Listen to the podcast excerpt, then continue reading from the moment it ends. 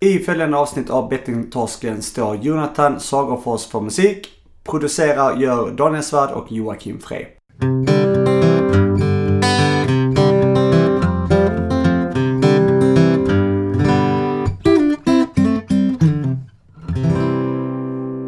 Då är vi här med Ulla. Tjena! Hej. Hej! Hej Daniel. Hej. Ja. Hej Ulla.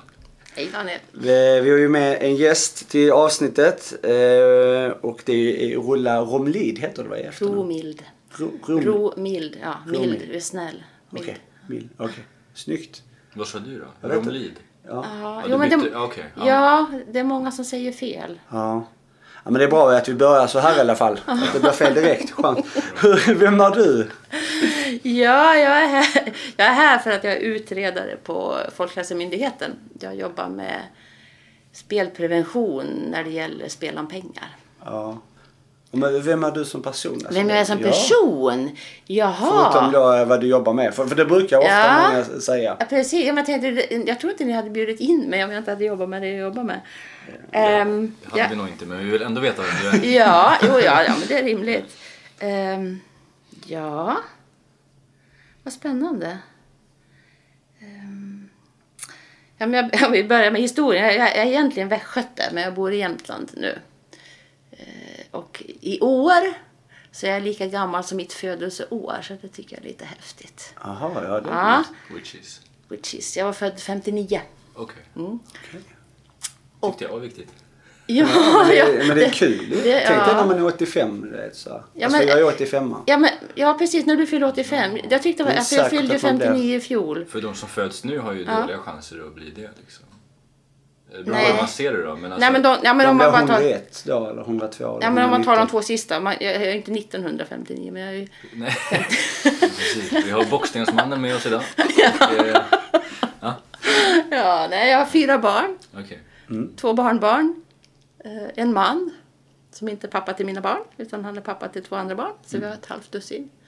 Men vi bor inte med dem. Mm. Eftersom de har flyttat hemifrån. De är stora. De är stora. Ja, så att nu, nu kan jag gå in för jobbet. Vilket Men- jag inte gör, ja. Får jag fråga lite om eh, Jämtland? Ja. jag har ju starka kopplingar dit alltså. Okej. Var bor du någonstans? I, I Östersund. I Östersund? Ja. Mm. Hur kommer det sig att du hamnade där då? Det är bara en slump. Nej, ja, det beror på. Jag bodde, jag, jag bodde faktiskt i Leksand. Okej. Eh, Efter gymnasiet flyttade jag till Leksand och bodde där några år för jag var intresserad av hockey. Mm. Så jag var en tidig Leksand-fan. Och så träffade jag en jämte Mm. och flyttade till Östersund. Eh, sedermera till en liten by utanför Östersund och fick fyra barn. Så det hade ju att göra med kärleken från början. Ja, ja. Ja. Sen så, Leksand, de kommer väl upp nu då, eller? ja, Gick upp nu de gick upp nu. Det var, det var länge sedan. Eller? Nej? Ja, det är länge sedan de var uppe. Ja, för det var mycket som skrev att de, det är nära. Det Ja, det var nära. Men så länge sedan var det väl inte? Ett par år sedan bara? Tre år sedan?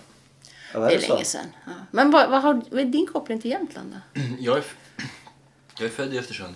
Oho. Och eh, mamma är född och uppvuxen där. Och eh, jag har inte bott där särskilt mycket bara precis i början av mitt liv. Men jag har ju jättemycket släkt och är där ofta Mm. Okej. och, och hälsar på. Ja, ja. Så det är min koppling. Och eh, ja, jag hänger ute i, i Krokom eller i Ja. Odensala när jag är där. Ja, okej. Ja. Lo- Local snack. Ja, hade ni haft Jessica här, hon bor ju i Krokom. Ja, så hon gör det? Mm. Jaha, vad konstigt. För det är en sån här, eller det är inte så konstigt, men det är en väldigt liten Ja, inte håla så. i ingenstans liksom. Ja, säg inte det. Det är väl det är ju centralorten i Krokoms kommun. Ja, precis. Men det säger inte så mycket. Nej, det säger inte så mycket. Nej. Östersund är lite större. Ja, nej, men det är väldigt fint där uppe. Det är en härlig plats att vara på. Ja, den, alltså Östersund som stad är ju häftig för att eh, det finns ingen stad nära. Det är ju Sundsvall eller Trondheim som är närmsta stad. Och det är Östersund är ganska självbärande när det gäller det du vill göra. Både handel och kultur och idrott. Och, så. och så är det vackert. Ja. Mm. Vad har du för, får man fråga vad du har för hobby förutom jobb och så? Ja. Det är mycket personligt där. Ja, det, ja, jag, jag, alltså jag har ju en hobby som, som tar ganska mycket tid. och Det är att sy lapptäcken eller att kvilta. Så att... Eh, Okej, det vet jag inte vad det är. Lapptäcke? lapptäcken. Alltså, Alltså, man, man är? skär isär tygbitar och så syr man ihop dem igen i fina mönster. Ja, Spexigt. ja och, och, det, ja det, och det, det är ganska stor hobby. Så i helgen så var jag i Röros på norska sidan tillsammans med ungefär 270 andra, ja det var nog bara kvinnor, mest norskor. Och då kan man samlas då i stora grupper. Det är som LAN ungefär. Så det var, fanns en stor sysal där folk satt och sydde och så gick vi på kurser och så. Otroligt att det finns saker man inte vet någonting om. Alltså Ja. sådär, jag har Ja, ja, aldrig ja. hört talas om det här. Nej, Det ja, men så är det liksom en stor... eh, Ja. Ja. Och sen har jag hållit på med musik en hel del. Inte aktivt just nu då så jättemycket. Men... Bra. Mm. Härligt. Eh, ska vi återgå till själva ämnet? Ja, ja, från Ulla Romil till spel. Ja. Jättetrevligt eh, intro. Långt intro idag. Jag tror det längsta vi har haft någonsin. Det är bra. Eh, du representerar ju som du sa Folkhälsomyndigheten. Mm. Kan vi bara börja med lite så övergripande. Vad är eran roll i just spelbranschen? Vi pratar ju spel här, Ja. spelberoende. Precis, alltså våran roll är ju att sammanställa och föra ut kunskap på spelområdet. Framförallt när det gäller förebyggande frågor. Så behandling är inte riktigt våran Nej. grej utan det är att titta på strukturer och identifiera vad kan man göra för att begränsa problemen med spel. Bra. Hur gör ni det då? ja, hur gör vi det? Ja, alltså min del i det är att jag, jag är ansvarig för Swelog som är en stor u- urvalsundersökning om spel och, och hälsa. Så då gör vi regel, nej, inte regelbundet, vi gör, vid upprepade tillfällen gör vi datainsamlingar och så tar vi fram resultat. Och sedan tar Ibland tar mina kollegor vid, ibland är jag själv, men sedan gör vi ju rapporter, vi gör faktablad och vi har ju en eh, webb också där vi lägger ut mycket kunskap. Och sen, sen håller vi koll på områden, vi läser vetenskapliga artiklar, vi försöker följa alla tänkbara sammanhang för att se. Men hur, hur gör ni, alltså, eh, hur gör ni de här, eh, eller kan vi börja med så här, Svelov, vad, Mm. Ja. vad är Svelov? För de som inte känner till det. Ja, Svelogs Swedish Longitudinal Gambling Study, jag var inte med när de valde namnet, men, men Svelogs är, har blivit ett varumärke nästan. Det började, ja det började nog egentligen 2007 tror jag. eh, Där man började planera. Och egentligen så var ursprunget var på den tiden så hade eh, nationella folkhälsoenkäten hade eh, som, det man säger, ett kort instrument för riskabelt spelande. Man hade tre frågor tror jag som man ställde i hela stora na- nationella folkhälsoenkäten för det mesta riskabelt spelande. Och ambitionen var ju dels då att se, är det här ett bra sätt att mäta nivån? Och sen var det också så att eh, man hade inte gjort någon stor undersökning av spelhälsa sedan slutet av 90-talet. Så det var två syften. Så då samlade man ihop en forskargrupp som var rådgivande och så började Folkhälsoinstitutet att planera. Så 2008 gjorde man ett stort urval, 15 000 personer ur befolkningsregistret. Eh, De här blev då kontaktade, man, man ville helst göra telefonintervjuer med dem. Och sen var det de som man inte fick svar från fick postenkät och en del besvarade. Så det var en datainsamling 2008 och sen samma grupp, då, de som hade svarat, blev kontaktade ytterligare tre gånger fram till 2014. Och sen dessutom ungefär 2000 var en fördjupningsgrupp som också intervjuades av forskare på Karolinska institutet. Så att det, det var Svelogs från början. Och sen så fick vi uppdrag av regeringen att fortsätta med Swelog. Så då, så även om det var den första studien så har vi använt den namnet sen. Då 2015 gjorde vi ett nytt urval. Då tog vi 20, 21 000 personer. Och på samma sätt då kontaktade de eh, med telefonintervjuer och postenkäter.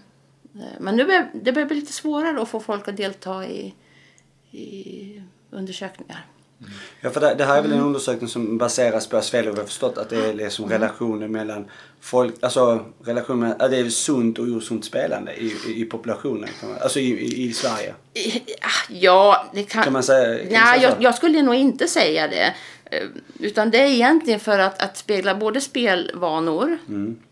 vilket då egentligen, där börjar vårt uppdrag. Men framförallt så vill vi se hur hänger spelvanor och spelproblem ihop med andra eh, både levnadsvanor och framförallt hälsan. Så att vi ställer frågor om spelande ganska ganska detaljerat. Vi är nere på liksom, spelar du poker online till exempel. Hur ofta gör du? Nästan på den, på den nivån är vi och hur mycket pengar. Men sen frågar vi också om, om allmän hälsa. Eh, Vi frågar om psykisk hälsa. Vi frågar om alkoholvanor och, och eh, livshändelser.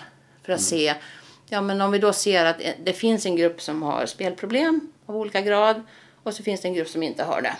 Kan vi förklara skillnaden? Och det är det, där vi börjar då. Titt- Om det var så enkelt så att det enbart var män som var 22 år som hade spelproblem, då skulle vi veta det. Så varje man som fyllde 22 skulle då få en, en. Övervakare. Ja, stämpel, ja, ja.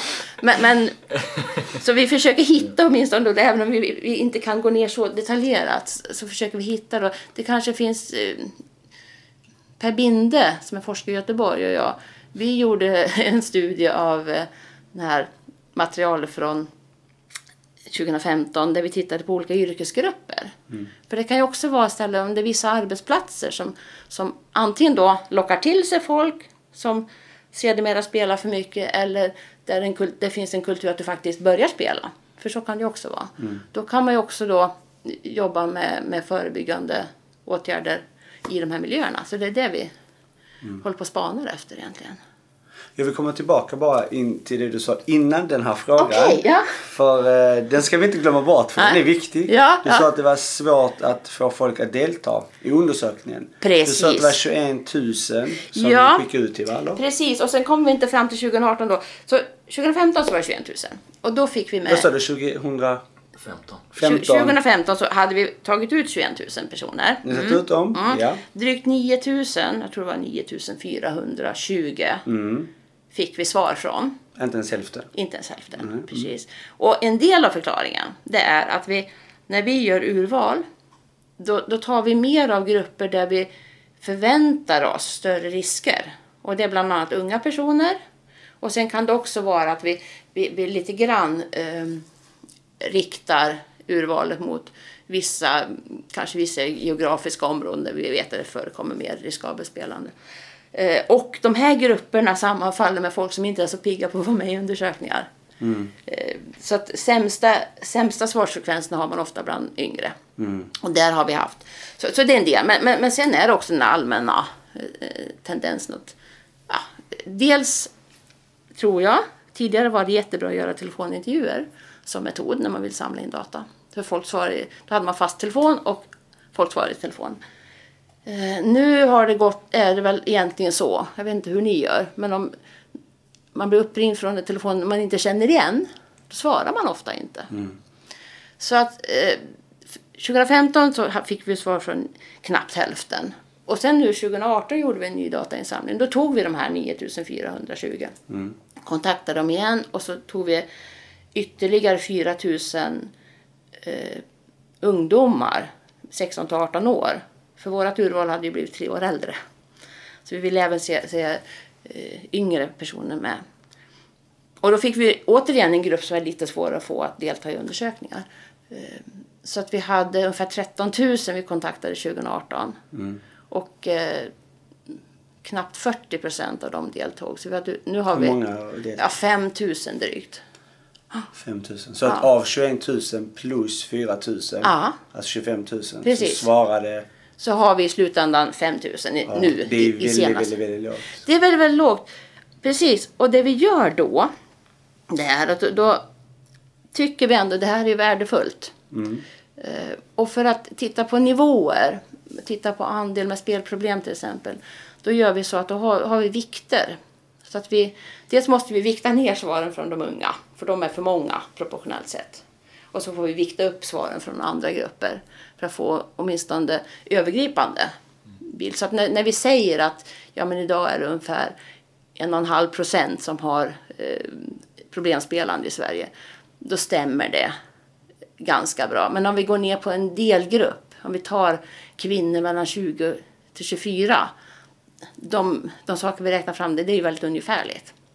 Ja, för det är det jag tänkte höra, för att jag har hört från andra. Ja. Jag säger inga namn. Nej, nej. Och, eh, och eh, jag också generaliserar nu. Ja. Okej? Men det är att Du sa att unga har ju en tendens att inte svara på undersökningar. Mm. Japp. Eh, Det känner jag igen själv. Ja. Eh, Jag har ju också jobbat som sagt eh, under tio år med försäljning och framförallt telefonförsäljning Just också. det, då kan du Så det jag här, vet ja. väldigt väl Ja, hur ja, det är att kontakta människor. Call calls som man kallar det, kallar Ja, samtal. Ja. Och jag vet ju vem som ofta svarar. Men Mm. nu är det här en generalisering och för människor jag har hört. Så säger många att oftast är det kvinnor som är äldre, medelålders Ja, ja. kvinnor. Eh, eller inte medelålders men kanske 35 plus. Men framförallt kvinnor som gärna ställer upp på undersökningar. Precis. Ja, men det är som en fin grupp. Lite äldre kvinnor. Ja, medelålders äldre kvinnor. De- de är lojala, kan man säga. Ja. Ja. Vilket också kan resultera i nu, nu ja. Att utslaget blir att eh, fler kvinnor kanske, man märker en ökning bland kvinnor, att det är fler kvinnor som spelar för att det är fler som svarar. Mm, det skulle man kunna tro. Men... Och det kan... Naturligt, det, det här är en del av förklaringen. Men, men om vi då tar Swelog som... som eh, eftersom det är det vi pratar om. Det är ju också så. Om man gör ungefär likadant vid upprepade tillfällen. Då kan man ändå se förändring. För den här tendensen att det är mm, medelålders eller äldre kvinnor som är mer svarsbenägna. Så har det varit hela tiden.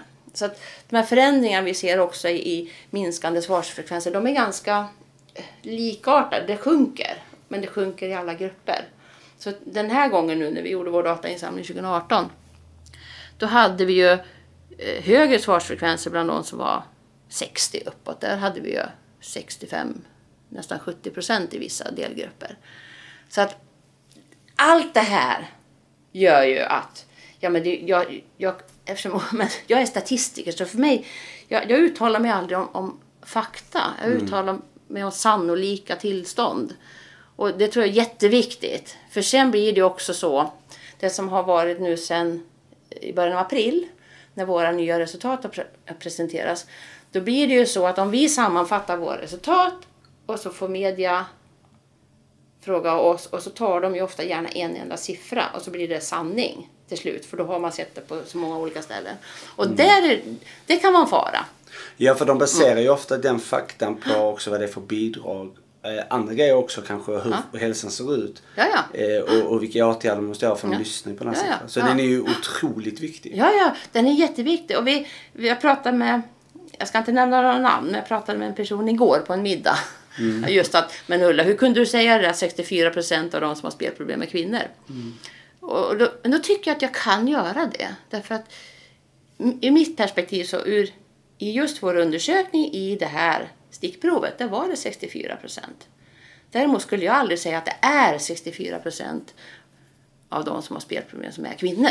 Du säger bara vad er undersökning har Precis. sagt. Ja, och jag skulle nog säga, när ni intervjuar mig så ska jag säga att jag tror att de, de som har spelproblem, av, när man liksom har tydliga negativa konsekvenser och förmodligen ett beroende, av dem är ungefär hälften kvinnor. Så skulle jag tolka det här. För jag kan inte bevisa att det är mer än hälften kvinnor. Nej men just den här Ja. statistiken och vad det säger så ja, låter ja. det ju, alltså det kan ju låta på ett visst Ja, sätt ja. liksom. Men det här att, att ök, den här ökningen, att det skulle bero på, att, på eh, olika bortfall, det, det tror jag inte. Däremot att det är extremt, att det blir just 64 procent, det kunde varit 49 procent. Men jag tror, jag, jag, alltså jag är statis, statistiker, så jag är bara till 95 procent säker att det har ökat bland kvinnorna. Och spelproblemen har inte minskat bland männen. Och det är också intressant och det har, det har försvunnit lite grann. För tittar man också på våra undersökningsresultat sedan 2008. Så den här andelen med spelproblem, alltså tydliga spelproblem, bland män, den har legat ganska stabilt under tio år. Och det tycker jag också är oroande. Det är ingen som, som bryr sig för vi är så vana att det är män som har spelproblem. Men det är det och dessutom så har genomsnittsåldern på männen som har spelproblem ökat ungefär 10 år. Och jag drar slutsatsen att de som var ungefär 20 2008, det, det är samma grupp i stort sett, där vi har de högsta nivåerna idag. Och det tycker jag, det är väl någonting som är något att ta fasta på. Jo men de räknas, alltså som jag och Daniel räknas ju inte med i statistiken. Nej, nej, nej, dessutom. Och det är jätteviktigt. Och sen också, Ja. Mm. jag tror också hur många alltså är Ja. Alltså till exempel så de ni frågar hur många Mm. av dem, alltså skulle jag fått en fråga om att vara med på en undersökning i mitt spelande, jag har inte ens tid med en undersökning för jag spelar. Ja, Alltså ja. som ett Jo, exempel, jag menar, och hur, det- hur trovärdig ja, det, det, och jag antar, men du säger du och Daniel, ni har slutat spela? eller? Ja, vi har inte spelat på, Mm, på många år precis. och vi räknas inte med heller. Då skulle inte ni komma med. Därför att när vi ställer de här frågorna om eh, spelproblem och konsekvenser av spelande, då ställer vi det till de som har spelat senaste året. Så det här är de aktiva, de som aktivt har spelproblem. Sen tillkommer gruppen som har haft spelproblem. Och Egentligen, idealiskt, så skulle vi vilja ställa de här frågorna till alla. För, för du skulle fortfarande skåra ganska högt på de här spelproblemfrågorna, förmodligen. Eh, För, Men sen är det också de som heller Mm. inte kan svara för de lever inte längre. Alltså det finns ju... jo, jo, jo. Men, men, men nu pratar vi i befolkningen. Ja, det, ja. men, men, men det vi såg var bra. Eh, komplexa Svealogs. När första, de här första 15 000 som vi plockade ut eh, 2008 och följde. Vi följde dem inte varje år, men vi följde dem vid fyra tillfällen. Och då, första gången så var det ungefär 2% som hade ett problemspelande. Det vi kallar för höjd risk eller spelproblem. PGSI 3 plus för de som kan den terminologin. Det var drygt 2% första gången. Men sen när jag plussar på över de här ytterligare tre mättillfällena så tredubblades den där andelen. Så att av de som vi tittade på från 2008 över fyra mättillfällen så var det ungefär 6 som hade haft ett problemspelare med mitt, minst ett tillfälle. Och då mätte vi dem inte varje år. Det vill säga, och då kan jag, dels kan jag tycka att ja, men det kanske inte är så viktigt att veta hur stor andelen är. Men det, är viktigt att veta att den andelen vi ser idag, idag av de som spelade i fjol så var det ungefär en och en halv procent som fick problem att spela då. Men sen finns det många, okänt hur många, som faktiskt har konsekvenser av spelandet. Och det tycker jag är jätteviktigt att lyfta fram. Och vi försöker kommunicera, men det är ganska svårt. Vi såg ju någon siffra igår till exempel, drygt 700 000 anhöriga som har drabbats av... Ja, och, de, och, och den, den, den frågan, om vi tittar från det hållet, för vi ställer också en fråga i våra undersökningar. Har du någon i din närhet som har eller har haft spelproblem? Och där kan vi mäta bakvägen också. Ja, men dina närstående kan ju då säga ja, jag har någon i min närhet. Och den siffran stiger också. Och det, där kanske vi snarare speglar hela problematiken. Ja det tror jag också. Mm. Det tror jag också. Men för jag menar, det man kan säga, för, för så att de som tar återfall till exempel, de, de är ju med i statistiken till Ja, exempel. ja. För fortfarande, så. Men, ehm, men det är så att man kan säga så här med åren som går. Man kan ju räkna ut det här, det är ganska enkelt så här. Man ser att kanske, ja de säger att de som eh, är i riskzonen och så här, de har lite lägre. Alltså de, de, det finns ju olika nivåer. Mm. Det finns grader i helvetet Det, här. det ja, finns grader i precis. helvetet Ja. exakt. Ja. Och, och de som då har eh, ligger kanske på den, en, en mindre nivå. Den Ja, har ju minskat. Ja, ja, den har minskat. Ah, Men, men det allvarliga då? Nej, det ligger still. Ah. Det, ja, det allvarliga har gått Ja. från 30 000 till 45 Ja, 000. ja precis. Det, det har, ja. Så den har ju ökat markant. Precis, ja. Och då kan man ju räkna ut, alltså, tänker jag, att det har inte hänt så mycket med åren när det gäller just Nej. förebyggande eller själva behandling. För att de som då har kanske haft en viss risk eller någonting så här. Ja. De tror jag har då flyttats till allvarliga. En del av dem. För det kan vi se eftersom vi... Svelogs som Alltså för man tänker de har ju gått neråt. De, alltså de har, det, har inte, det har ju blivit värre för dem, tänker jag. Ja, pre- precis. Och, och vad, vad intressant. Du tänker skalan så. Mm, jag alltså att de- jag tänker att de från vänster att- till höger. Men ja, jag förstår att vad de du har, tänker. Att de har ja, gått så här, ja. för, för, för 2015 Mm. Ja. så var det en stor, större grupp som, Ja. som hade då en risk. Ja. Eh, den 2018 är mindre, Ja. eh, vilket är bra Ja. då. Men däremot så har ja. de allvarliga ökat på de tre åren. Precis. Du har helt rätt. För det är ju så, och det har vi kunnat se eftersom vi fått intervjua samma personer vid upprepade tillfällen. Att det är absolut inte alla som har den här viss risk, den här lägre graden, som sedan får spelproblem. Men det är en större andel av dem än bland de som inte hade spelproblem av någon grad som faktiskt får. Så vi har ju rörelser. Och det har vi inte hunnit titta på så mycket än. Eftersom vi ganska nyligen har avslutat datainsamlingen. Men, men och då kan man fundera på, fungerar, fungerar det förebyggande? Och jag tror att det förebyggande till viss del har fungerat så att det kanske inte är samma inflöde i de här lägre graderna av risk. Det kan vara så. Men sen är det, jag tror att de förebyggande metoderna fungerar inte lika bra för att förhindra att folk faktiskt får riktiga spelproblem. Eftersom det är en ökning där. Och det tror jag är jätteviktigt att fundera på. Så det är ju både vi, Folkhälsomyndigheten och alla andra eh, som berörs av spelmarknaden på något vis måste försöka fundera på eh, vad kan man göra. Och, och det som har hänt ändå sen i fjol när vi gjorde vår mätning det är ju det här med spelpaus som man har eh, lanserat. Att, eh, det, det, är ju en, det är en radikal åtgärd. Kan man eh, om man stänger av sig så kan man åtminstone inte under avstängningsperioden spela. Vilket då förhoppningsvis gör avtryck.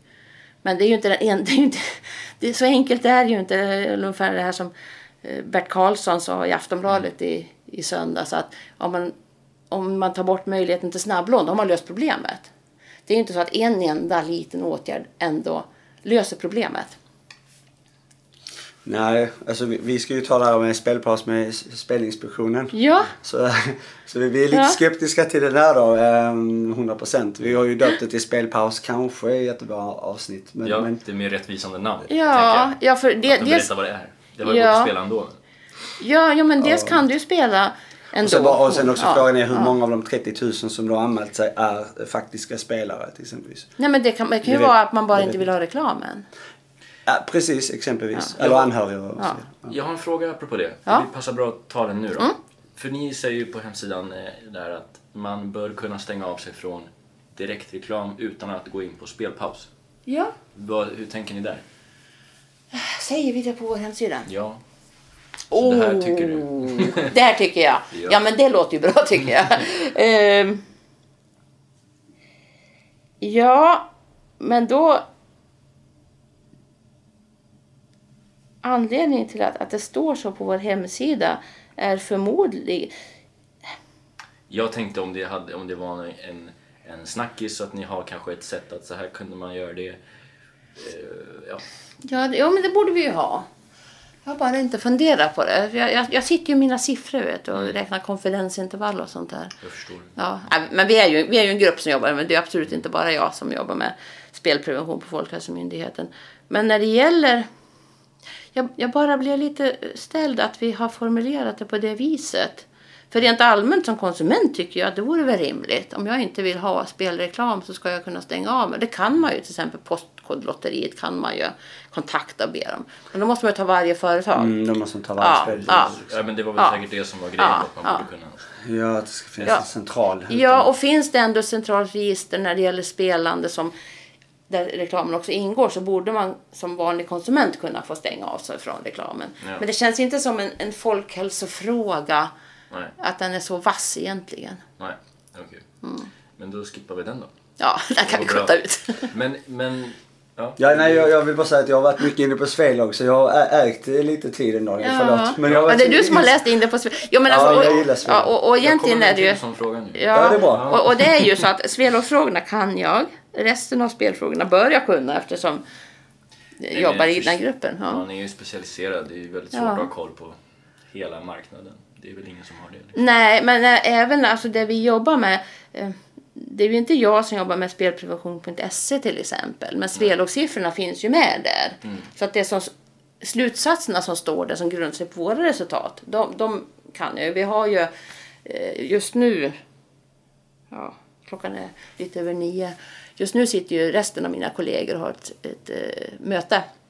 Vi har ett avstämningsmöte varje vecka. Så att vi vet ju, mina kollegor vet svarsfrekvenserna i Svel också. Sånt där, så att vi, vi har ju dialog. Du förstår vilken grej att Ulla prioriterar att sitta med oss framför ett avstämningsmöte. Det, Ja. låter, det låter tråkigt. Ja, det låter Alltså- tråkigt att sitta där borta. Ja, här. ja, det ja, du kan var, berätta så jag inte var med här istället.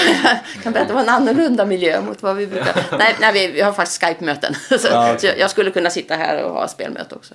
Ja, då. Det hade varit något att vara med på det. Men, eh, Ja, just det. Nej, jo, jag fick eh, en fråga Ja. Mm. i huvudet angående det du sa i början där. Jag tror du sa att vi, vi frågar flest människor där, eh, ur den gruppen där vi förväntar oss ett visst resultat. Ja, Och då undrar jag så här, varför gör man det? För är det inte, Mm. i mitt huvud så är det så här, blankt papper måste vara det bästa, inga fördomar. Ja, jo, precis. Men vi ställer samma frågor. Så även om du hade blivit utvald vet du inte varför. Och det är ingen hård viktning. Det är inte så att vi har, har bara riskgrupper. Utan vi har verkligen, vi har i grunden ett slumpmässigt urval av alla mellan 16 och 84 år. Okej.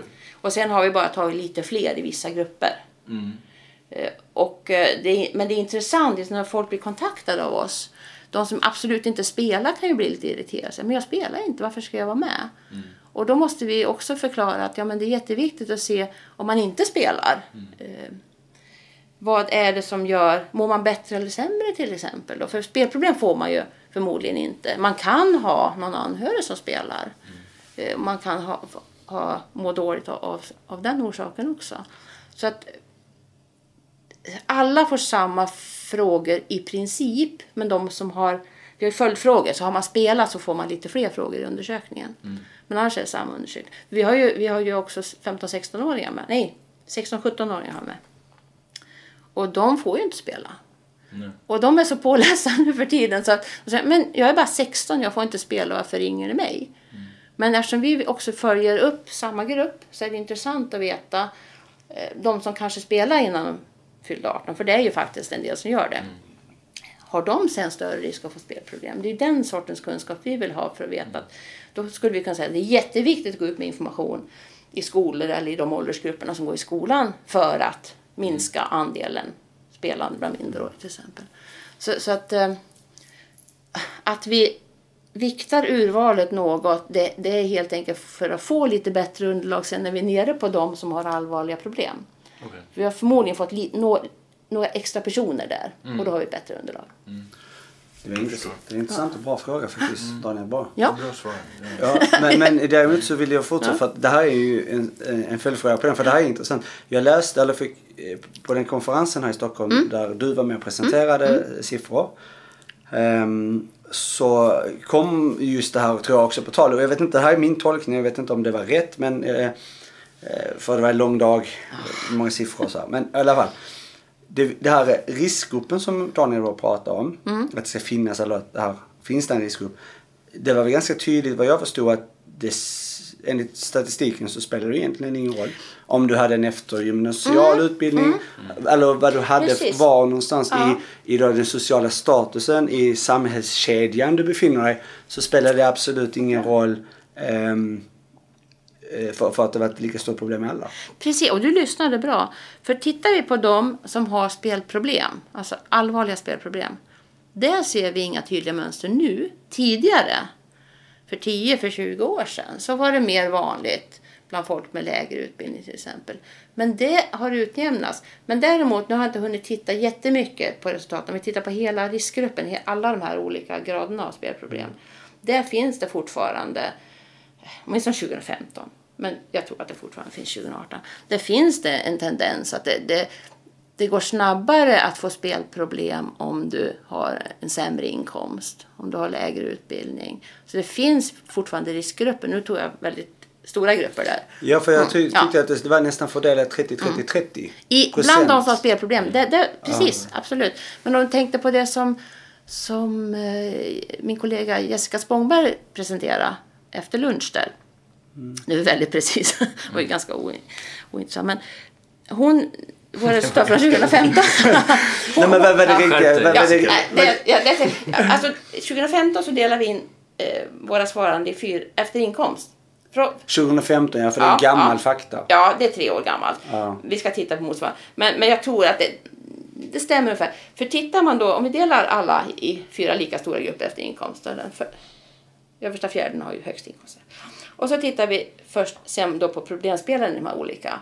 Så är det något högre grad bland de med lägre inkomst och något lägre grad bland de med högre inkomst. Men om vi sen följer upp då de som då har problemspelande i respektive inkomstklass och så tittar vi på andelen som har allvarlig psykisk ohälsa så är den mycket större bland de med lägre inkomst. Så det Ja, psykisk ju... ohälsa är ju det. Ja. Exakt, men det behöver inte relatera Ja. till spel. Nej, det behöver inte relatera Det till får spel. man ju- det är Absolut. viktigt att ja. särskilja. Och det är därför vi också försöker följa samma personer över tid för att Mm. se vad kommer först.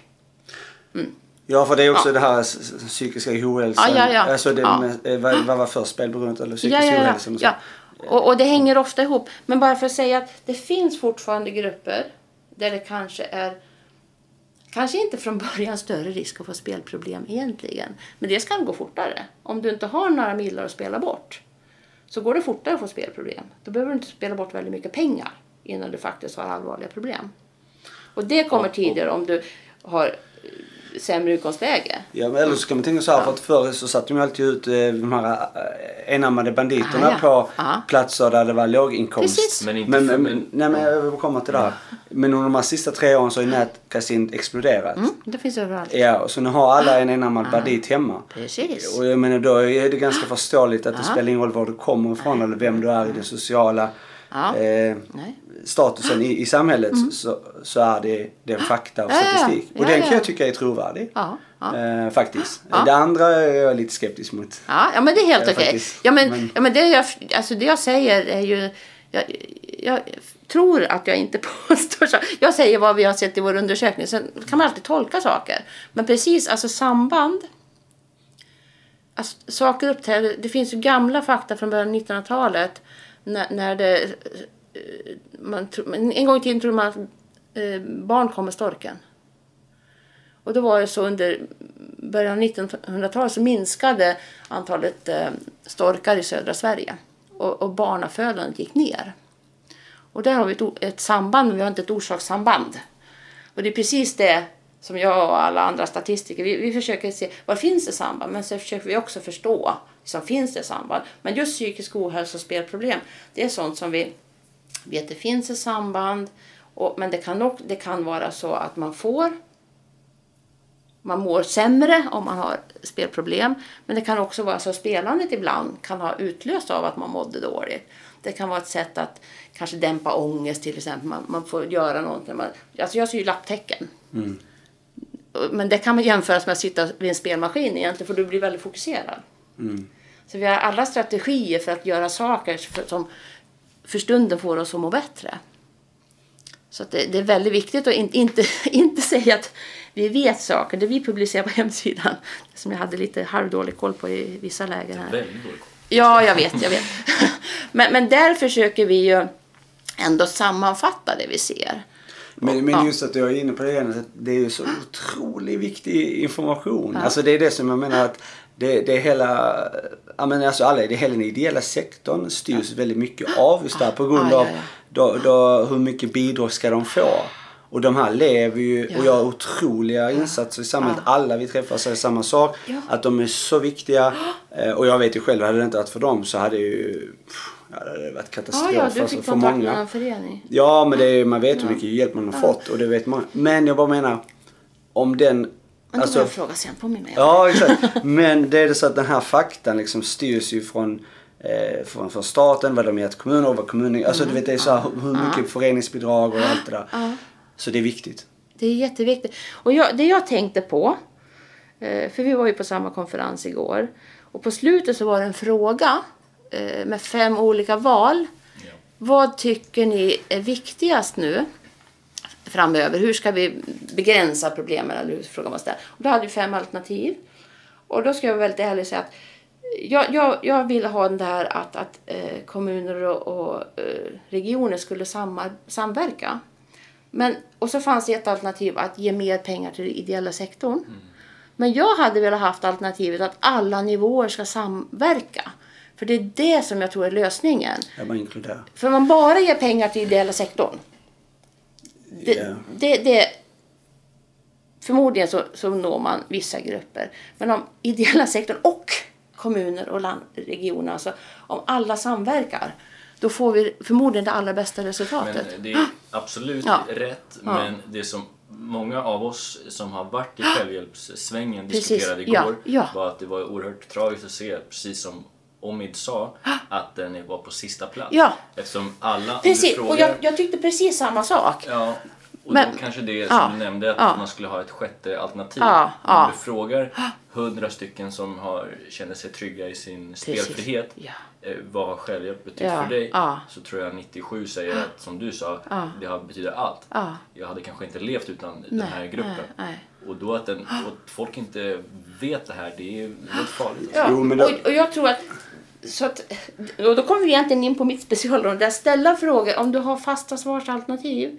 så Men, måste ja, du men vara nu, väldigt nu kommer kritikern Ja. in som jag Ja. håller på att kritisera liksom statistiken här. Ja, ja. Det var ju 90% av alla de som var i det rummet är ju i kommunen. Ja, precis. Jo, jo. det var- de, som röstade, de som röstade på ideell där, varför de var sist, det var för att vi var ju så få. Så att jag menar om... om Men, men jag tror inte ni ska se det som att, att eh, folk som jobbar med de här frågorna tycker att det är oviktigt. Utan jag tror att om man såg det stora perspektivet. ja. Alltså om kommuner och regioner inte samarbetar. För vi hade ju exempel från Eskilstuna kommun. Och de pratade om att de faktiskt väldigt tydligt har delat upp. Så att, att, att när någon kommer till, till socialtjänsten till exempel. Så vet de, ja men den här personen ska vi ha kvar här och, och stötta den. Eller vi ska hänvisa den direkt till, till eh, vården. Och om det inte fungerar så tror jag det, det, då är det riktigt illa. Om vi tänker hela landet så finns det inte självhjälpsgrupper överallt. Så tittar vi totalt för hela landet så tror jag det är jätteviktigt med. Men sen tror jag också, jag menar, vi, vi, vi förmedlar ju pengar. Det är vi som fördelar pengar till de ideella organisationerna. Nej, jag vet. Det, Ja. det, är, Ja. det här kommer ett långt avsnitt för det ska vi också du prata om. Ja, ja, ja. Och de, de, frågorna jobbar jag inte heller med.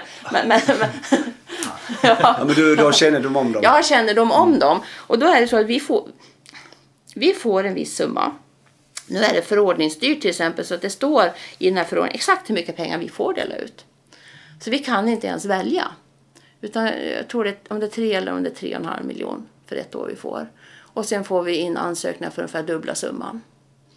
Och då gäller det då, och det är ju inte så att vi inte har svårt att fördela pengarna utan tvärtom då, vem ska få pengarna? Eh, som det var tidigare, då hade vi ett, en total pott pengar och då kunde vi faktiskt justera summan, men det kan vi inte idag. Utan det är väldigt, eh, det är en, ganska enkelt att jobba på en statlig myndighet. För du vet precis vad du kan göra och vad du inte kan göra. Nästan så är det.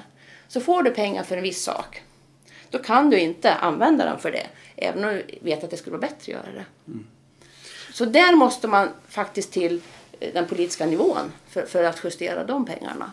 Sen kan ju kommuner och regioner säkert också, de går ju in och stöttar föreningar kanske med lokalbidrag, som med, med potten för föreningsliv. Ja, för nu kommer det ju in mer pengar också på grund av att nu får ju de licensbolagen eh, skatta också. ju. Alltså det kommer ju mer Mm. Ja, pengar nu ja. för, för eh, det är väl det som är anledningen till att de fick licens.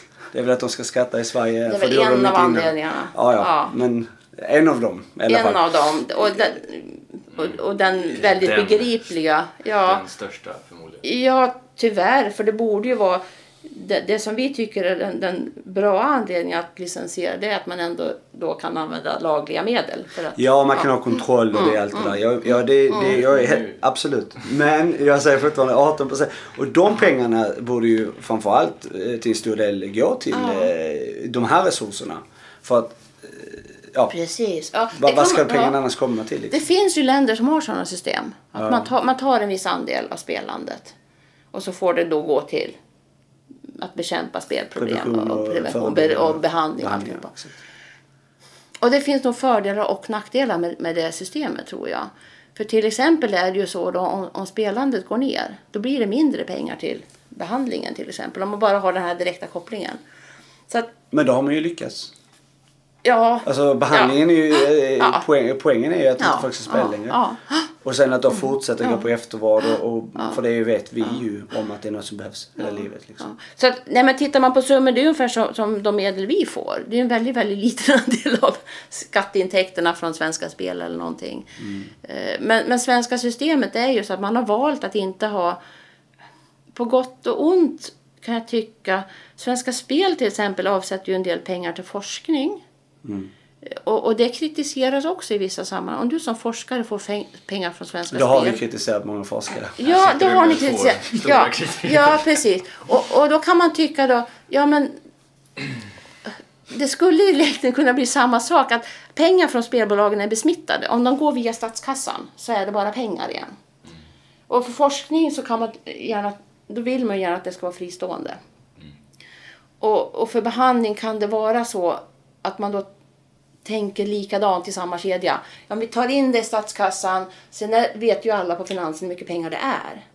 Och där bör man kunna, om man då ser att man får mycket pengar, då kanske man får skjuta mer, till mer pengar, till exempel till föreningarna. Ja, det är en jätteviktig poäng. För Ja. exempelvis så vi, vi har diskuterat en grej mycket. Både jag och Jocke kommer från eh, idrotten, liksom den rörelsen och så här. Och där har du Svenska Spel som, som, som skryter friskt om att vi ger 50 miljoner eller vad det är till föreningslivet. Med, och då så, säger de, och så tycker vissa då, staten borde inte, borde inte ägna sig åt spel överhuvudtaget. Mm. Och då säger staten, jo det borde vi visst, tänk eh, alla barn som inte kommer få idrotta. inte vi. Och det är Mm, fruktansvärt ju, för att det, idrotten och eh, medlen till självhjälpsgrupper borde egentligen vara fria. Vi borde ösas pengar över dem så mycket som Mm. Precis. behövs. Om, om, om varenda unge i hela landet vill idrotta så ska ju han eller hon få göra det. Precis. Oavsett hur Hur, mycket men folk hur bettar. gamla är ni? Ni är födda på 90-talet eller? Man får inte fråga. Nej jag skojar. Ja, ni frågar Eh, gammal 30 jag. Ja, 33. Du är 33 ja. jag är 29. Du är 29, precis. Så ni är ju då födda i slutet av 80-talet någonstans. Och på 90-talet... 85, 90. Precis.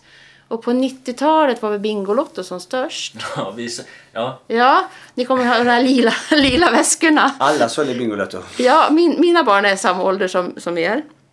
Och de var då med i Fåker IK. Och för att de skulle få med och spela fotboll var jag tvungen att gå ut och langa Bingolotter. sjukt ju. Som du fick köpa. Alltså föräldrarna köpte oftast alla biljetter för man fick inte sålt dem. Alltså jag gjorde inte det. Nej, det ju tur. Men däremot, det fanns ju folk som ville ha dem. Nej, det var ganska enkelt i den här föreningen för det var folk som abonnerade. Men jag var tvungen att gå ut med den där lila väskan och, langa dem där. Så jag gjorde det när det var mörkt för ingen skulle se vad jag höll på med. Jag jobbade inte med spelfrågor då, men, men, men, men jag, jag gillade inte... Därför att... För, det här var en liten idrottsförening, så jag såg på det. De var beroende av de här pengarna. Såklart. Ja. Oerhört mycket. Ja. Och, och, och, så spelet i sig är så, infil, det är så inblandat i hela samhället och i hela ideella rörelser. IOGT-NTO. De drar ju in jättemycket pengar på spel. Och de gillar inte att man tar upp den frågan. De är inte jätteförtjusta och säger ja men, ja men staten säger att vi ska göra så här eftersom de har skattebefrielse för sina spelintäkter. Exakt för de som inte vet så äger de miljonlotteriet. Ja, precis. Så där får Ja. de pengar. Ja. Ja, och, och, och, då, och då kan man tycka där också, ja men det kanske... Om inte spel så, stod som lösningen på alla finansiella problem, då skulle vi också ha ett annat samhälle. Så hur, hur de här pengarna förflyttas tror jag är jätteviktigt. Och idrottsrörelsen, absolut. Våra, våra fem, sex, kanske sju, tio, vad vet jag, största tidningar är Ja. direkt beroende av Ja, spelintäkter. men visst, visst. De, de skulle gå i konkurs eh, omedelbart. Det finns många problem, alltså att det infiltreringen. visst men visst är det intressant. Och banker och annat som Banker, infiltrerar. Swedbank nu som vi ser vad de Och så håller på med. pensionsfonder. och, Ja, eh, ja. Ja. Men ja, eh, i alla fall. Men det, då har vi ju Paf i alla fall. Just det. Som är bäst i världen. ja, men... Eh, Paff det, räddar världen. Säger de själva. Men jag tänkte just med det här med bidragen till exempel. Ja. För jag har kollat lite på det här också. Ehm, och så tänkte jag, hur... ehm, alltså ni delar ju ut bidrag till de ideella föreningarna så kan man säga. Alla de som då ansöker och så, så ja. Eh, vad har man för kriterier? Och inte nog med det. Jag har ju sett att, hur, hur ser kontrollerna? Alltså hur ser kontrollen ut på de ideella? Eh, Vad är, ja, har ni koll på deras policies och, alltså, och eh, bedriver de ens en verksamhet? Det är en annan fråga. Ja, och, och det här blir en intressant fråga. Nu ska jag försöka svara på ett, ett, ett, något sån här övergripande sätt. Kriterierna, ett, det viktigaste kriteriet är att det ska vara nationellt. Eh, och sen ska det vara då en verksamhet som både är stödverksamhet och jag tror att vi också ser på om man också har alltså policyverksamhet, om man är med och påverkar i samhället. För eh, den förening som jag kanske känner till bäst, just Spelberoendes riksförbund, de har ju varit väldigt aktiva och drivit kampanjer för, innan spel kom in i socialtjänstlagen till exempel. Så, eh, men, men det är väl de övergripande kriterierna. Men, och sen, sen ska man ju då redovisa sin verksamhet. Vi läser jag, titt, jag är inte med och tittar på ansökningar men man, de ska ju skicka in väldigt tydliga beskrivningar av hur verksamheten bedrivs. Eh, Tidigare så den som hade hand om det här tidigare för några år sedan eh, hon åkte runt jag tror tre eller fyra gånger per år och besökte föreningarna. Så vi har kontakt med de här föreningarna. Eh, Sen någonstans då kontrollen, vi är ju ingen tillsynsmyndighet. Vi är en Ja, men det är ändå viktigt att veta. Så ja, I och med att det är skattepengar så Ja, är det ju viktigt absolut, att veta ja, var ja. de pengarna går. Mm. För att om det då är en organisation eh, som sägs ha så här många medlemmar, de har det här, Precis. det ser bra ut på papper. De kanske har medlemmar men de bedriver egentligen ingen verksamhet. De får massa pengar. Ja. Eh, Samt också det hur, ser- alltså vad har de för verksamhet? Eller de som kanske är ansvariga där i de här föreningarna. För nu, vi måste ju vara kritiska på alla Mm. Ja, ja, håll. precis. Och, Och- så, och- då, är det ja. så här, då är det viktigt också hur ser deras policy ut, stadgar och så vidare. Eh, vad är det för typer? Är Ja. de involverade i några... Någonstans går gränsen. Men, Ja, men det är men, intressant men det, liksom. det, Det är som har ja, ja, ja, ja. Och det har hänt vid mer än ett tillfälle att föreningen har fått be- betala tillbaka medel. Om vi har sett att det här stämmer inte. Så, så att, men sen, alltså, jag tror inte vi går så långt så vi kontrollerar personerna Mm. som sitter i styrelserna. Någonstans går nog gränsen för det vi gör. Ja, eller som är anställda. Alltså det Ja, behöver inte vara ja, styrelse bara, utan anställda generellt. Nej, men, men jag, jag kan bara mer det här övergripande. Vi, vi har ju en eh, vi har ju en organisation för det. Så vi från Spel ingår i någon grupp. För Folkhälsomyndigheten förmedlar ganska mycket statsbidrag. Så att det, det finns eh, mer och mer skulle jag säga kontroller på det här. Ja, för jag vet att jag tror jag läste någonstans, nu, nu vill jag, eller det var, jag tror att, jag vet inte vad de heter. En kompis till dig läste om. Ja, Ja. nej, just det. Kompis till min farfars far. Eller så, det är gammal. Nej, men det finns en organisation som vi aldrig har fått tag på. Och vi vill intervjua för att vi vill prata med dem. Och jag vet inte ens om de existerar, men de får pengar. Nej. Okej. Så jag bara tänker... Ja, ja. Men och, går och de jag, inte... vet, jag vet ja. att deras bidrag har minskat, men jag tror att de Ja. aldrig haft någon verksamhet. Eller jag, Ja. det kanske de har, men de har i alla fall inte Alltså sagt det, oss. det, nej, och, och det, det kan finnas organisationer som, som på pappret ser Men går det inte att få tag på dem, då får de inga pengar från oss. De som Ja, in- ni kanske nej, får, men vi ja, får inte eh, nej, på nej. Mm. numren och mail och allting som finns. Eh, Det, fin, det, kanske, det finns ju hemsidor. Man- man alla, kan- alla kan ju man skapa kan- en hemsida. Man kan tipsa myndigheter när man ser sådana saker. Ja, jag får göra det då. Ja. Men vem tipsar man då? För då är det inte er, för ni är ingen tillsyn sa du, utan Ja, men om det, om det är bidrag som går ut från oss Mm. och du vet någonting om den här organisationen du vet att den här finns inte. Då, då kan du mejla oss. Ja, men jag vet ju inte om de finns. De kanske finns, men de svarar inte i alla nej, fall nej. på oss. Men, men alltså, du, du kan mejla oss ändå Okej. och säga att det här tycker jag verkar lite konstigt. Är det det? Och du, och du kanske inte ens får svar vad vi får fram. Men det kan alltid vara bra att- signalera att det, de här säger att de har eh, man kan få kontakt med dem 24-7. Vi, vi får inte svar på telefon, vi får inte svar på mejl. Då är det nog sånt som vi vill kolla upp i så fall. Okej. Bra. Men minskar eh, de här ideella peng... Vad heter det? Plånboken Ja, till dem? plånboken. Jag tror den minskade något för något år sedan. Men den har legat, sen har den legat stilla ganska länge.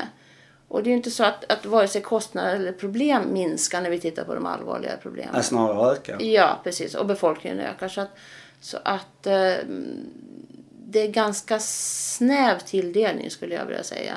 Så i efterhand, jag, jag ska inte säga att jag, jag skäms för att jag inte vill mig, att jag inte såg det som det främsta sättet att begränsa. Men, men jag, jag tycker det är jätteviktigt att ha med det.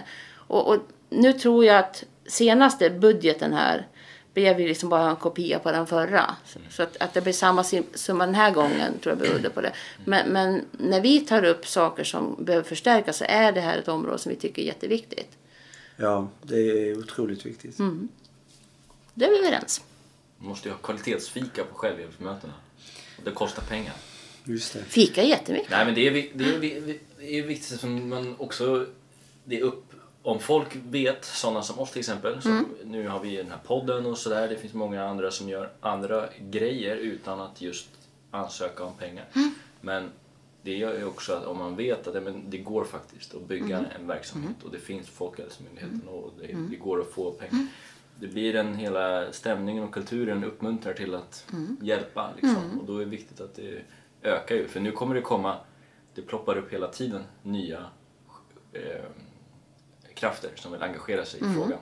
Och om då summan är samma så blir det inget det, det är också svårt med att, alltså det ser man ju överallt, man har kontakt med Röda Korset och alla andra.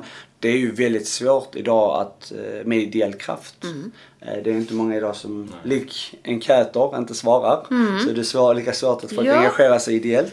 Precis. Eh, och då är det ibland kanske en liten morot för någon som vill engagera sig, inte för pengarnas skull, men att ändå få en liten lön. Ja. i sin organisation, i sin Ja. förening. Så att jag tror det, det ger så mycket och den, det jobbet den gör skulle kanske någon som är anställd inom kommun och landsting aldrig vilja göra för den pengen. Nej. Eh, Men de gör det ideellt för de gör det från sitt hjärta och de får en liten peng för det. Alltså när jag var liten, och det här är ju ganska länge sedan, då gick jag så här så på söndagsskola och kyrkan hade verksamhet med ideella krafter och sånt där. Eh, Och det där finns ju väldigt lite idag. Vi har ju haft en skiftning till att vi alla ska avlönas för det vi gör. Och, och där har vi en hel, det, här, det är en samhällsförändring. Så, så om, om, om en organisation som vill ha akti- aktivitet har en anställd, då kanske inte du vill gå dit och hjälpa till att göra det gratis. Utan någonstans har vi byggt ett samhälle där vi får ersättning.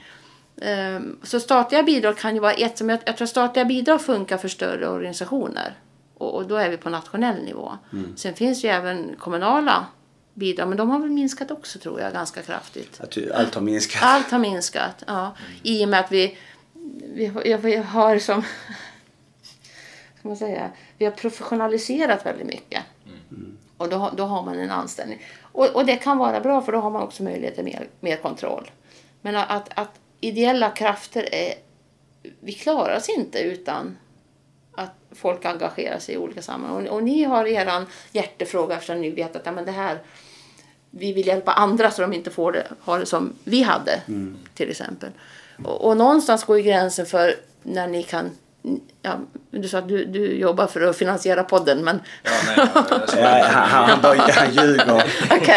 Nej, men, Ja. Lyssna inte på han.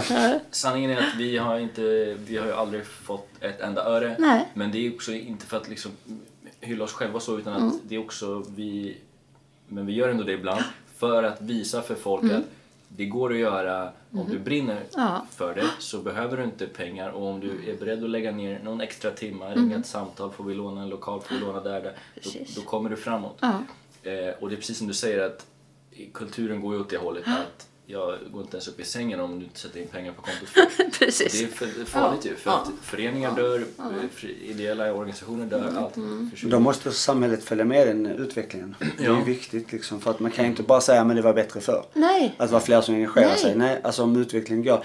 Det, är, ju- det är ju vi vuxna som har gjort felet. För vi har liksom så här, ge- gett en padda barnet att förklara sig själv. Eh, vi tar inte ansvar. Alltså det är liksom en sån här utveckling. Ja. Då, då är den självständig, den ska få den den vill ha. Alltså, ja. Så att, men samhället måste följa med då. Och jag också... Eh, ja. Men det här lilla formatet, alltså ni är ju opinionsbildare. Och ni, i princip kan ni ju nå hur många som helst när ni har spelat in era program. Så tekniken, det ni har valt, det är för att ni, ni, ni kan göra det. Och klarar av att göra det. Och, och det är väl så att alla som har ett intresse, någonstans blir man ju också bärare av idéer för det man brinner för. Om man har ett intresse, om man gillar att spela eh, minigolf till exempel, ja, då kanske man pratar för det och så värvar man folk som spelar minigolf.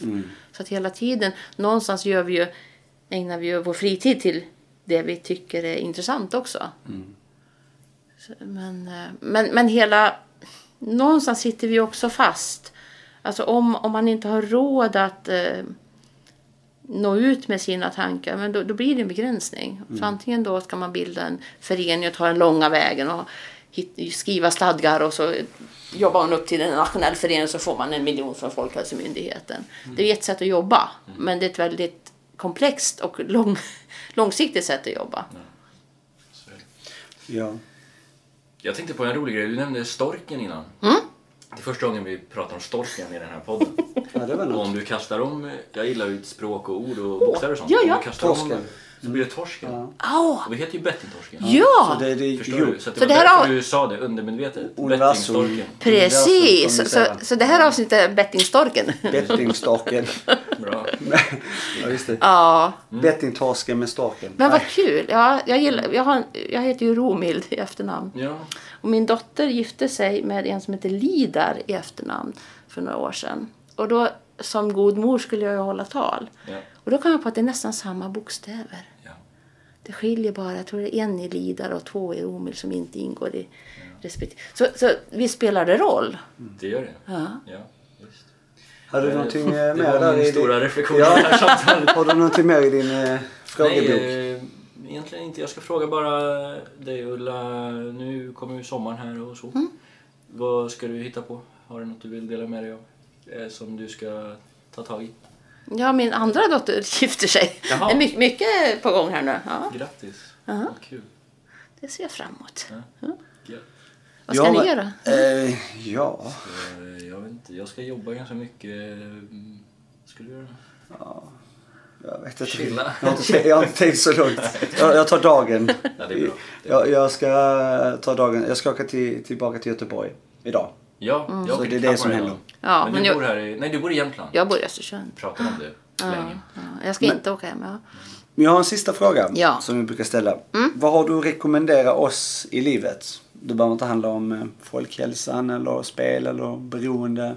Utan bara en ren rekommendation. ja, gör det ni tycker om att göra. Det ni får en kick av. Kick. Ska vi söka kick? Nej, nej förlåt. Nej, fel ord. Nej, nej men alltså. eh, Se till, se, precis. Jag fattar vad du menar. Er, er huvudsak, se, se till att ni trivs med det ni gör. Ja. Det är så lätt att bli bitter. Ja. Oavsett om det handlar om relationer eller yrkesliv eller vad det är. Mm. Så njut. Njut. Inga kickar. Nej, kanske inte. Men adrenalin, alltså det är också för lite fel Ja, för man ska ja, inte vara hård. Adrenalinkick, alltså det att man hoppar fallskärm är ju ganska häftigt. Det behöver ju inte kopplas Fast till det är att otäckt. Jag har gjort det där en gång. Det är Ja. jätteotäckt att hoppa ut från en flygplan för det är helt onaturligt. Det strider mot alla säger Men det är häftigt när man väl är utanför. Ja. Och när, när skärmen vecklar ut sig, va? då kan man. Då kan man. Men du är modigare än oss för vi har inte gjort det. Och jag tror nu inte vi, kanske... Jag vågar inte. Nej. Jag tror inte det. Nej, nej, men då ska ni inte göra är det? det. 20, 25 däremellan? Ja, men typ. Ja, det är då man inte har konsekvenstänket klart. Nej, Jag segerflög faktiskt på den tiden och sen så hade man ju alltid fallskärm på sig.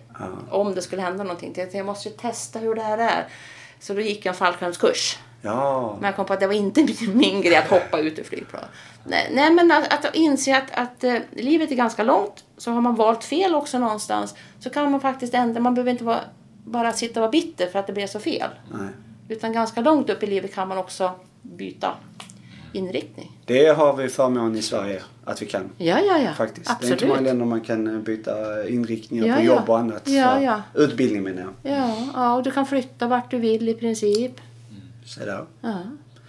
Okej. Klokt. Tusen tack för att du ville ställa upp. Tack.